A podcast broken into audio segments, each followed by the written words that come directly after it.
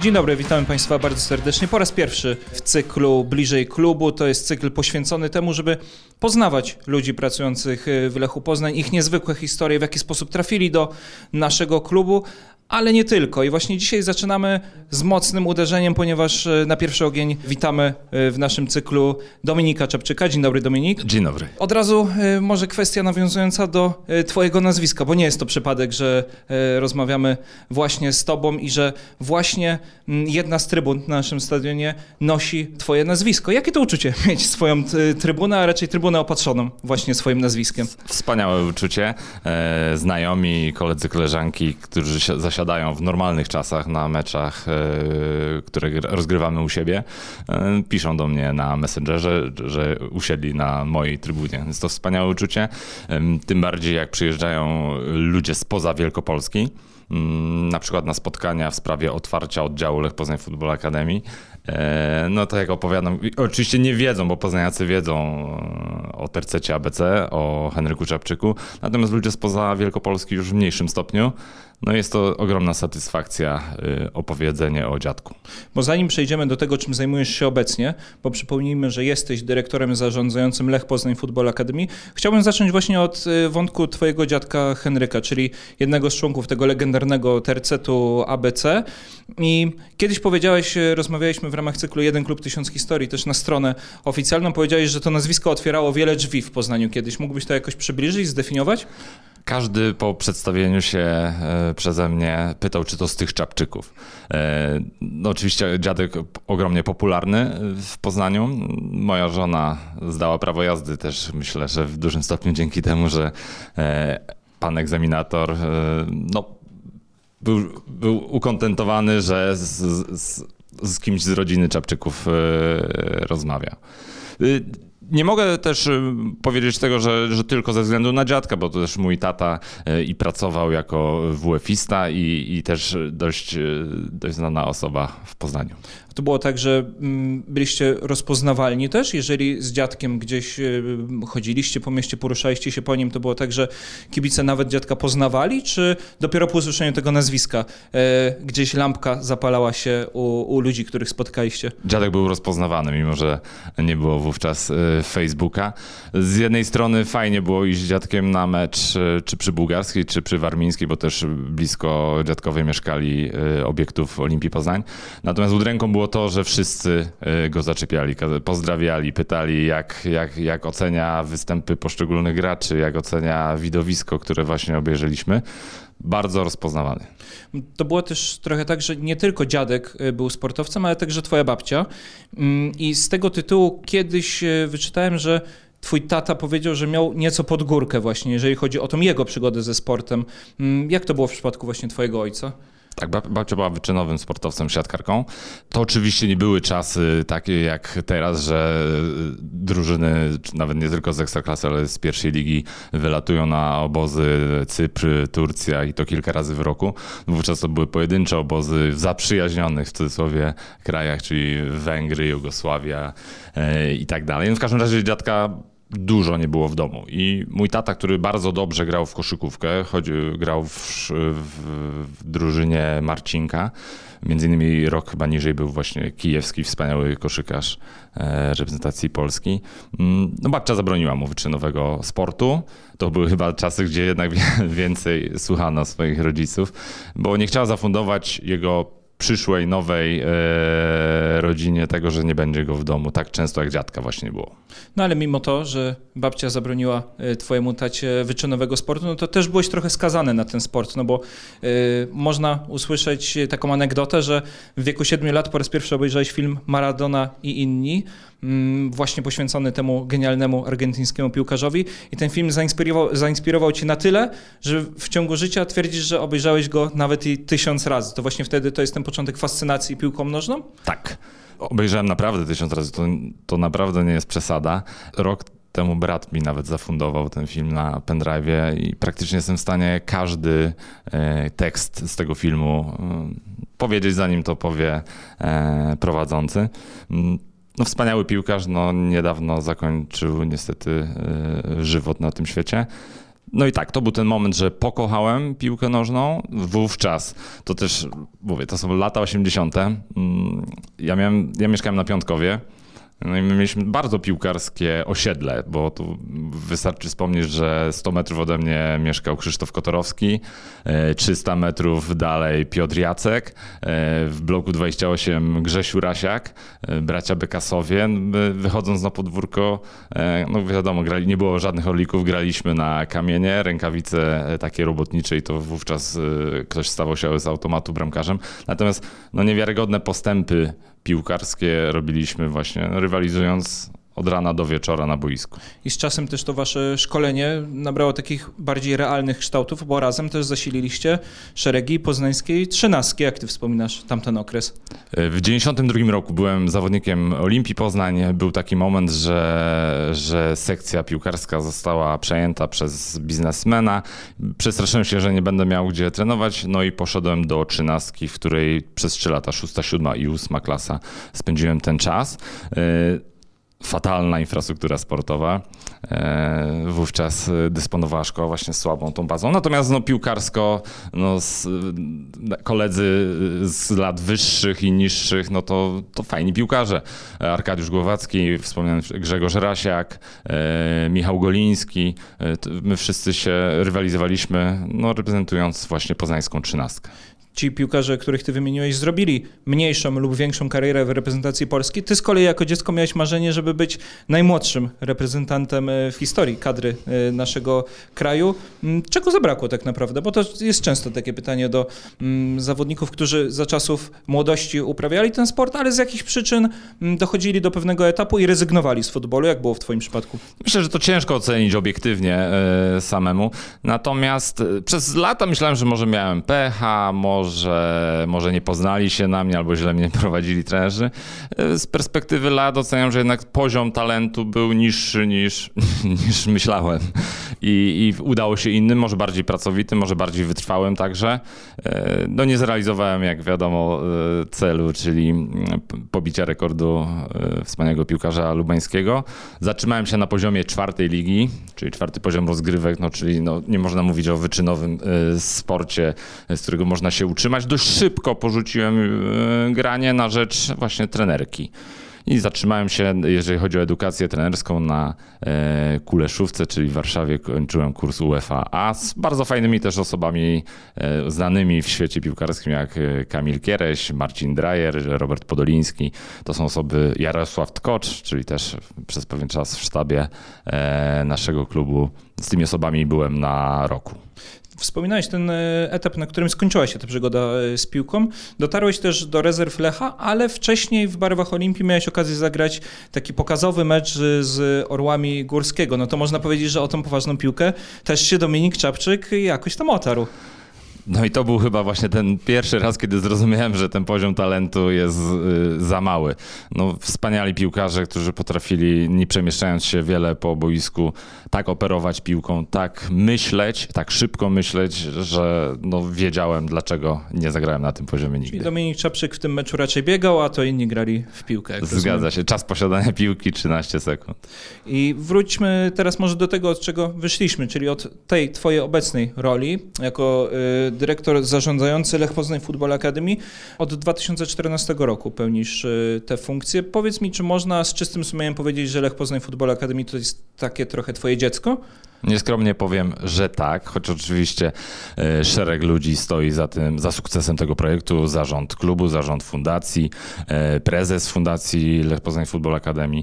Jest to moje dziecko, wspominam każdy dzień, te pierwsze dni, jakże ciekawe, jak się tworzy coś nowego, to zawsze jest uczucie, jest ten powiew świeżości, jest to wspaniałe uczucie.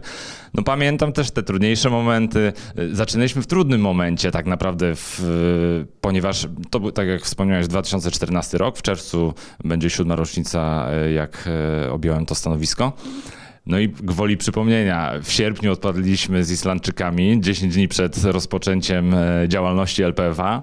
To był moment, kiedy przyszedł jako trener tymczasowy trener Chrobak. Trzy remisy z rzędu. Event otwierający powstanie LPFA był w przed meczem Lech Krakowia, zakończony remisem 1 do 1. Pamiętam, deszcz padał, my sprzątaliśmy to boisko z ówczesnym koordynatorem Błażejem Czyżewskim i no trudne były te początki, natomiast y, może to nie zabrzmi profesjonalnie, ale jeden z pierwszych treningów na jednej z lokalizacji, ponieważ był problem z zamówieniem y, sprzętu, moimi prywatnymi piłkami musieliśmy e, w jednej podpoznańskiej lokalizacji trenować, bo, bo zabrakło tego sprzętu.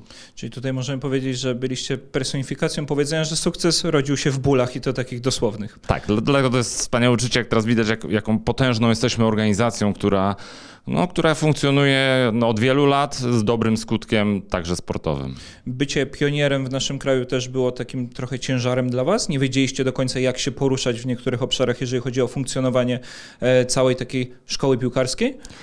Miałem już doświadczenie, y, miałem wizję tego, no i osoby wspierające, które uczestniczyły przy budowie tego projektu i to wsparcie merytoryczne, które, którego mi udzielono, spowodowało, że, że, że to poszło w sumie łatwo i szybko. A można powiedzieć, że takim głównym przyczynkiem, y, dla którego ty postanowiłeś zaangażować się w ten projekt, było to, że też tak niejako chciałeś pracować na chwałę tego klubu i kontynuować, no bądź to bądź rodzinne tradycje. No tak, zawsze powtarzam, że historia zatoczyła koło, no miejsce Czapczyka jest, no jest tutaj właśnie, w tym klubie no, najznamienitszym.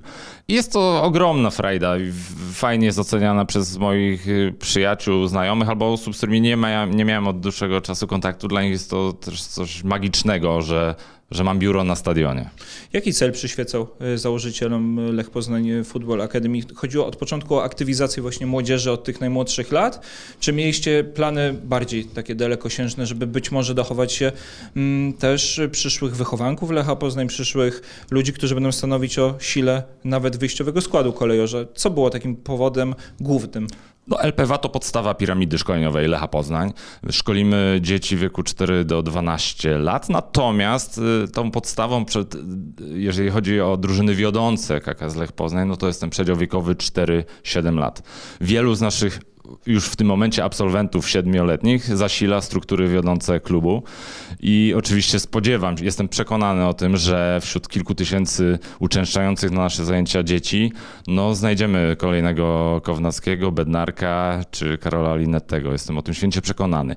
LPW powstało także z innych przyczyn, bo czynnik sportowy to jest oczywisty i, i tak jak powtarzam, wielu z, z naszych absolwentów będzie kontynuowało trenowanie właśnie w Akademii we Wronkach, daj Boże, potem w pierwszej drużynie i, i mam nadzieję, że klub kiedyś na nim też e, zarobi, na takim transferze. Poznaniacy mają tą łatwość, że, że tak naprawdę bliskość klubu jest, no jest, jest, jest powszechna i w tej koszulce Lecha Poznań można trenować, e, natomiast no, mamy ośrodki w innych województwach, w innych miejscowościach.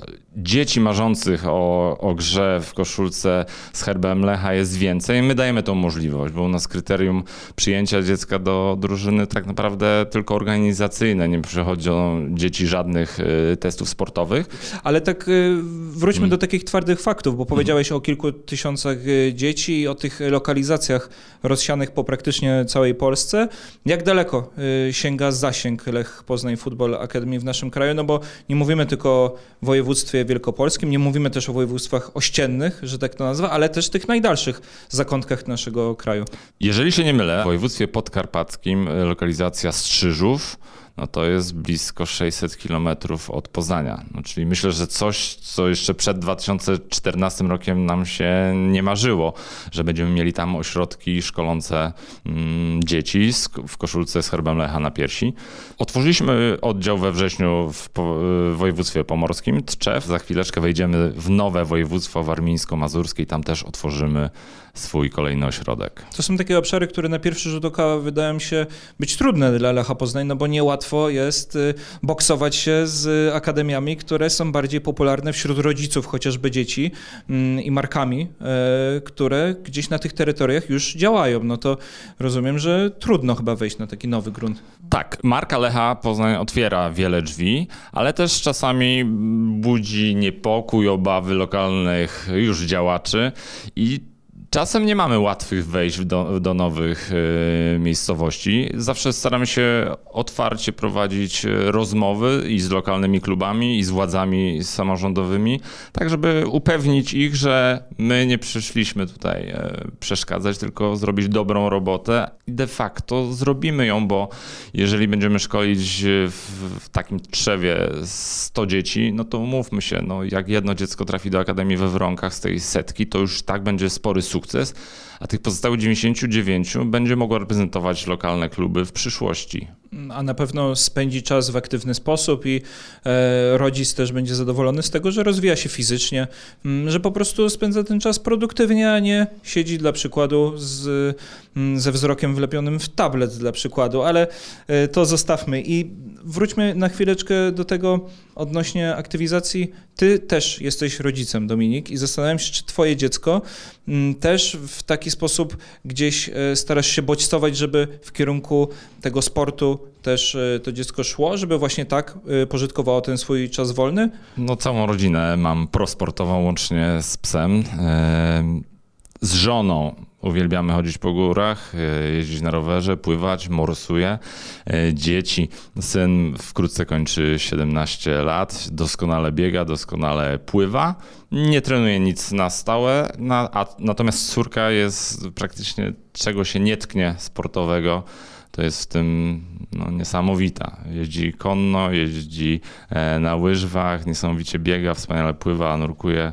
E, jest bardzo uzdolniona, natomiast nie chce się e, zdecydować na jedną dyscyplinę. Po prostu próbuje wszystkiego, na co ma ochotę. Wszechstronny rozwój tutaj. Zgadza możemy się. powiedzieć. Wspominałeś sam o tym, że mm, po zakończeniu tej przygody z piłką nożną poszedłeś niejako w trenerkę, mm, gdzie spotkałeś też trenerów, którzy później bądź co bądź y, porobili ciekawe kariery y, szkoleniowe, ale tu też e, tak trochę na zakończenie zacznijmy ten wątek Twojego bycia y, szkoleniowcem, ponieważ miałeś okazję być trenerem e, reprezentacji Polski ludzi bezdomnych, z którą udałeś się na Mistrzostwa Świata w roku 2012 w Meksyku. Jak Ty wspominasz w ogóle tamten rozdział oraz jak to się wszystko zaczęło? No bo to też jest bardzo ciekawa historia. Niesamowita przygoda, jedno z ważniejszych doświadczeń, nawet jeśli mogę użyć tego określenia zawodowych, e, mimo że tak naprawdę wynagrodzenia tam nie pobierałem, jakiś zwrot e, kosztów jedynie. Mm, no trudna praca. Dla mnie to było środowisko, do którego wcześniej no, nie, na szczęście nie miałem okazji znać. To są ludzie z ośrodków e, zamkniętych, monarów i podobnych instytucji trudne, no bo wylatywaliśmy na Mistrzostwa Świata do Meksyku. Dziennikarze, hotele, osoby, które grały, miały na przykład trzy razy w ciągu nocy sprawdzane źrenice w swoim ośrodku w Monarze i, i w momencie, kiedy zwracałem uwagę po jakimś nieudanym meczu e, czy zagraniu, że ale co robisz, że mówi trenerze, no ale ja nie ogarniam. Dla mnie to jest trochę za dużo, spadło mi na głowę. Zresztą y, nawet mogę nawiązać y, do klubu przy, tej, przy sytuacji z, z tą reprezentacją, bo bardzo fajna historia z happy endem. E, na ostatnim Lech Conference, który się odbył w grudniu 2019, spotkałem trenera, uczestnika tej konferencji, który wówczas był moim podopiecznym zawodnikiem. I, no i potoczyło się tak, jak powinno, czyli no, nastąpiła w nim przemiana, założył rodzinę i jest teraz trenerem, jest czysty, no, czyli to jest coś najważniejszego. Sam wyjazd do Meksyku dla twoich zawodników musiał być niemałym przeżyciem, no bo tak jak mówisz, y, ludzie raczej ze sporymi problemami życiowymi, a tymczasem tutaj taki trochę nie dość, że inny kontynent, ale też wielki świat, co tu dużo mówić, zainteresowanie medialne, jak um, udźwignęli to twoi podopieczni? Już doszło do perturbacji tuż przed wyjazdem. Mieliśmy zgrupowanie we Wrocławiu, korzystaliśmy z obiektów y, Śląska Wrocław. No i na, na mistrzostwa jedzie ośmiu zawodników, w tym dwóch bramkarzy. Przeważnie, chyba że ktoś chce zaryzykować i robi układ jeden bramkarz plus e, siedmiu zawodników e, z pola, co jest dużym ryzykiem oczywiście.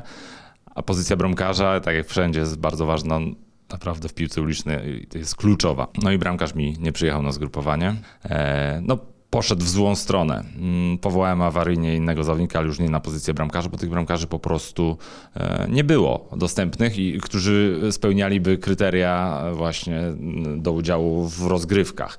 Bo jest taki też przepis, że jak weźmiesz raz udział w Mistrzostwach Świata, to nie możesz zagrać po raz drugi, więc ja mają ograniczoną liczbę reprezentantów.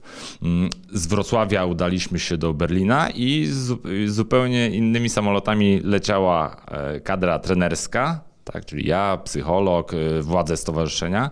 Innym samolotem lecieli zawodnicy. No już też doszło do perturbacji, bo oni gdzieś mieli międzylądowanie, a ktoś miał jakąś sytuację tam w paszporcie, mm, no, gdzieś nawywijał w, w, w obcym kraju i, i, i, miał problemy z przekroczeniem y, granicy. Natomiast no, skończyło się y, pozytywnie wynik sportowy, no, który jest szalenie ważny, y, ale nie najważniejszy akurat. W przypadku tej dyscypliny sportu, no bo rozumiem, że tutaj mówimy też y, nie tylko o ich rywalizacji na boisku, ale też taką próbą trochę zmagania się z samym sobą pewnie, prawda? I to pewnie też odczuwałeś jako trener. Bywało tak, że y, po śniadaniu przychodził zawodnik, czy może pójść porozmawiać z psychoterapeutą, tak? no bo ma, czuje, że, że ma problem. To są takie historie no wiecie, no, rzadko kiedy trener piłki nożnej usłyszy od swojego zawodnika, że miał przepiękny sen, bo mu się śniło, że jest operatorem koparki i tą koparką ładuje kokainę na, na, na przyczepę.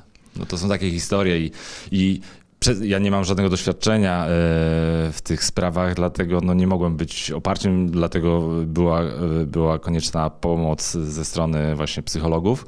E, no ale bardzo, bardzo ciekawe doświadczenie. To też musiało poszerzyć Twoje horyzonty, jeżeli chodzi nie tylko przecież o warsztat trenerski, no bo mówimy tutaj o Twojej tej szkoleniowej przygodzie, ale też o takie aspekty międzyludzkie, jeżeli chodzi o kontakt z drugim człowiekiem, który z jakimiś swoimi demonami się zmaga każdego dnia i to mm, jak sprawiłeś, że nie oszalałeś w tym wszystkim?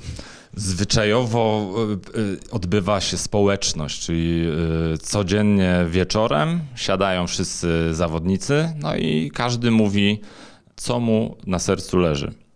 E, dochodzi do bezpośrednich takich e, sformułowań i to są takie, że, tak obrazowo, że bym przedstawił, że zawodnik X mówi do zawodnika Y, że ten go dzisiaj zdenerwował, bo a, nie podał mu piłki na boisku, bo, nie wiem, przy śniadaniu go, nie wiem, zabrał mu widelec i to wszystko jest takie na bieżąco e, czyszczone, więc to było ciekawe doświadczenie. No bardzo bezpośrednie teksty wzajemne do zawodników do, i do mnie także. Czyli rozumiem, że organizacja samego zgrupowania takiego też przebiega w trochę inny sposób, no bo mm, musisz zaplanować właśnie, tak jak mówisz, takie wewnętrzne spotkania, ale zastanówmy się nad tym, na ile różni się budowa sztabu twojego, który ty zabrałeś ze sobą do Meksyku na Mistrzostwa Świata, czyli bądź co bądź imprezę rangi mistrzowskiej. Mówimy tutaj o mundialu, którym rywalizowało bodajże 48 e, zespołów z całego świata, 48 Chyba reprezentacji. 48, tak. I w jaki sposób taki sztab jest skonstruowany? Na co kładłeś ty nacisk? Znaczy nie, nie miałem dowolności e, z racji tego, że to z kilku projektów dofinansowany był wyjazd.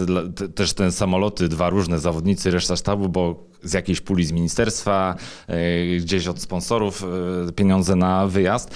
Mm, więc mój drugi trener, mój asystent był, był byłym zawodnikiem, byłym piłkarzem e, reprezentacji polskiej, który kilka lat wcześniej uczestniczył w Mistrzostwach Świata, został działaczem w stowarzyszeniu i został takim moim naturalnym asystentem. A jak się to zakończyło, z, jeżeli chodzi o perspektywę sportową, ten właśnie wasz konkretny wyjazd na te Mistrzostwa Świata? Bo wiem, że rywalizowaliście z ciekawymi kadrami między innymi Ukraina, Finlandia, ale też Filipiny czy, czy Bośnia i Hercegowina, mm, ale zatrzymaliście się chyba na etapie fazy grupowej, zgadza się? Zajęliśmy 15 miejsce na tych 40 parę drużyn, co wynikiem no nie jest jakimś nadzwyczajnym, bo wcześniej e, sukcesy reprezentacja odnosiła większe, tylko jedną rzecz trzeba zaznaczyć i nie usprawiedliwiam się absolutnie, e, że kiedyś był przepis, że można było e, na całym boisku, wszyscy zawodnicy mogli się poruszać. E, obecnie funkcjonuje przepis, że jeden zawodnik nie może wrócić na swoją połowę, czyli z założenia jest gra 3 na 2. No i stała się bardziej techniczna. Jednak jak ktoś obejrzy materiały z tych pierwszych mistrzostw, gdzie reprezentacja Polski brała udział, no sędziowie na dużo pozwalali, tak? Blisko tych band trochę wyglądało jak zawody e, hokeja. Mm, a jak się stała bardziej techniczna, to jednak e, trudno się gra z, właśnie z Meksykanami, z Brazylijczykami czy Portugalczykami. Fajne niektóre wyniki. Oczywiście rozpoczęliśmy dobrze. Wygraliśmy z Ukrainą, która była chyba wtedy wicemistrzem świata. Wygraliśmy 7-6 i, i tak już myślałem, że kurczę, mogę zawojować te mistrzostwa. No niestety nie poszło. Mm, a tak y, wracając na chwilę do Twojej poprzedniej myśli o e, właśnie znaczeniu tego wyniku sportowego, no bo on nie jest tutaj najważniejszy, a determinujące jest bardziej to, na ile y, taki piłkarz wykorzysta y, to, co udało mu się nabyć, jeżeli chodzi o to mm, szeroko pojęte radzenie sobie e, z własnym życiem, na ile potrafi to przenieść później na swoje dalsze funkcjonowanie. I gdzieś da się usłyszeć, zobaczyć taką daną, że Polacy właśnie bardzo świetnie reagują, jeżeli chodzi o to, co robią w dalszej części życia po pobycie w tej reprezentacji Polski ludzi bezdomnych. Tak też było w przypadku tej reprezentacji, o której mówimy? Nie ze wszystkimi mam kontakt, ale są, y, są osoby, które wiem, że niestety wciąż mają problemy i, i nie udało im się wyjść na prostą drogę. Trudno mi powiedzieć, jak jest w innych y, krajach, bo pamiętam, że wygraliśmy ze Szwajcarią no wysoko, już nie pamiętam jaki wynik, to ja pamiętam, że zadzwoniłem do taty, że wygraliśmy, no to był zdziwiony, że w Szwajcarii są bezdomni. No te przepisy są troszeczkę niejasne, no bo no, w każdym kraju funkcjonuje to inaczej i no przyznam, też nie chcę tutaj y, rzucać oskarżeń, no, ale w wielu, wielu, wielu reprezentacjach grało naprawdę bardzo dobrych e, kilku graczy, i nie wyglądali na ludzi z problemami, choć oczywiście nie, nie, nie, trzeba wyglądać, żeby mieć e, takowe. Oczywiście, mimo to mieliście wrażenie na pewno wszyscy współpracujący przy tym projekcie, że robicie coś takiego społecznie pożytecznego i to tak z czystym sumieniem każdy z was mógł powiedzieć. Zgadza się. Dobrze, a więc y, to tyle, jeżeli chodzi o pierwszy odcinek naszej audycji Bliżej Klubu. Naszym gościem był dzisiaj Dominik Czapczyk, czyli dyrektor zarządzający Lech Poznań Football Academy. Dziękujemy Ci, Dominiku. Bardzo dziękuję. Mogliśmy poznać Dominika od wielu stron. Widzimy, że jest to człowiek, który ma bogaty bagaż doświadczeń, jeżeli chodzi zarówno o boisko piłkarskie, jak i nie tylko. Także bardzo ciekawa historia tego człowieka. Zapraszamy już na nasze kolejne odcinki e, w ramach audycji Bliżej Klubu.